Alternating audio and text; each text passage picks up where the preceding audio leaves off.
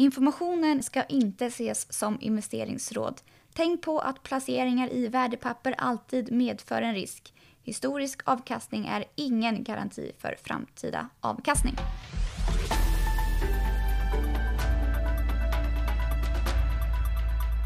God morgon från Paretodesken tisdagen den 24 november. Idag ska vi prata Embracer med analytiker Lars-Ola Hellström som höjer riktkursen rejält. Men mer om det alldeles strax. Vi börjar i USA där Wall Street stängde på plus igår.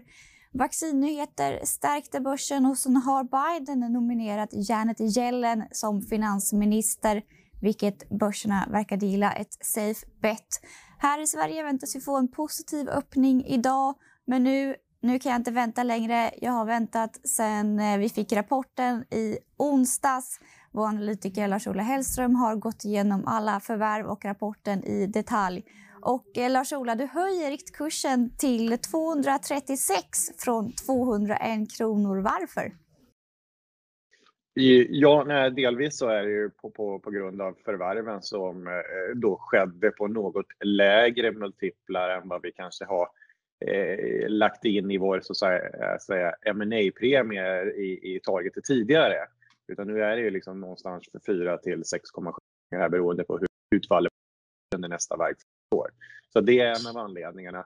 Sen har vi gjort eh, delvis eh, eh, underliggande estimatförändringar också för, för, för nästa år. Vi har lite så att säga rena estimathöjningar men sen har vi även skjutit en del projekt till nästa år och vi tror ju även då även efter 2021 2022 alltså i verksamhetsåret 22 23 så kommer man att fortsatt kunna ligga på den här eh, vinstnivån liksom. Så att det är högre underliggande vinstnivå plus förvärven eh, som gör det och sen har man ju klubba igenom ytterligare ett nyemissionsmandat så att man har ju en 14-15 miljarder i M&A kapacitet eh, så, att exekvera på. Och med, med, det så kommer man ju då kanske kunna lägga till 30 procent eh, utöver det som vi har nästa år. Då. Så att eh, det finns eh, bra eh, möjligheter för fortsatt tillväxt. Också.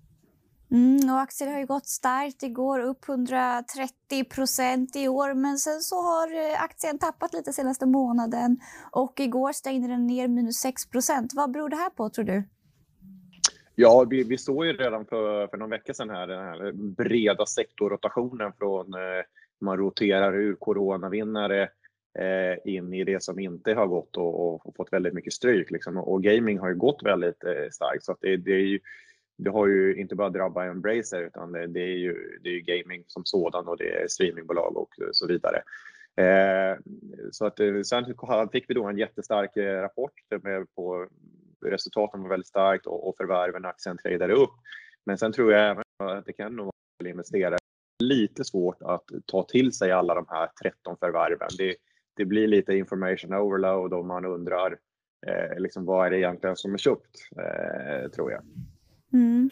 Är det en, en allmän oro att eh, Embracer kan köpa vad som helst och, och man egentligen inte tittar riktigt på vad det är man har köpt? i marknaden som stort? De, de, de köper inte vad som helst, men det, marknaden kanske har haft eh, mer tilltro till när Lars själv har varit och tittat på varenda förvärv. Nu, nu är det här en mycket, mycket större koncern. Lars hinner ju omöjligt titta på varenda förvärv själv, utan nu är det Saber Interactive som gör sex förvärv som driver mycket av förvärvsagendan. Eh, du har Deka Games som gör två förvärv och så vidare. Så det är många som är med och bidrar till de här 13 affärerna. Själv eh, skulle det vara helt omöjligt för, för Lars att få ihop 13 affärer på ett kvartal. Eh, så att det, det, det är kanske där att marknaden ifrågasätter hur bra fingertoppskänsla har de? Har de samma fingertoppskänsla som Lars Wingefors har haft över tiden? Mm, och du som har tittat på förvärven då och eh, du tycker onekligen att det är bra bolag som man har köpt. Men eh, vad är din allmänna bild av de här förvärven som annonserades nu i onsdags?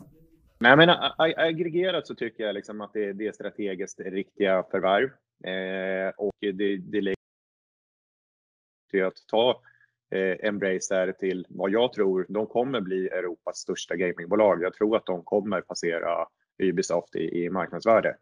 Eh, och det här inom en två, tre, tre års period. Liksom.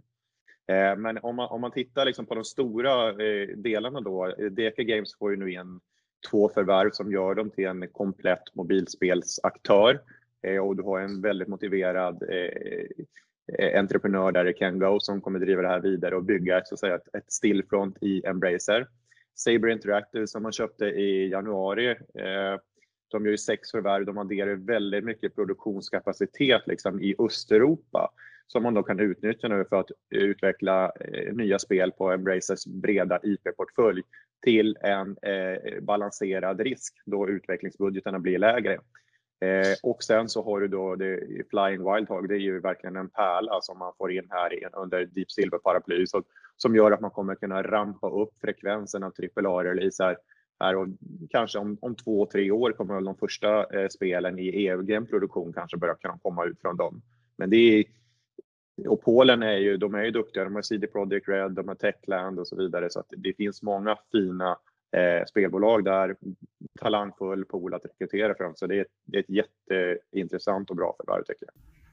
Mm, tack så mycket Lars-Ola. Och eh, vi är tillbaka igen imorgon så jag önskar er en trevlig tisdag.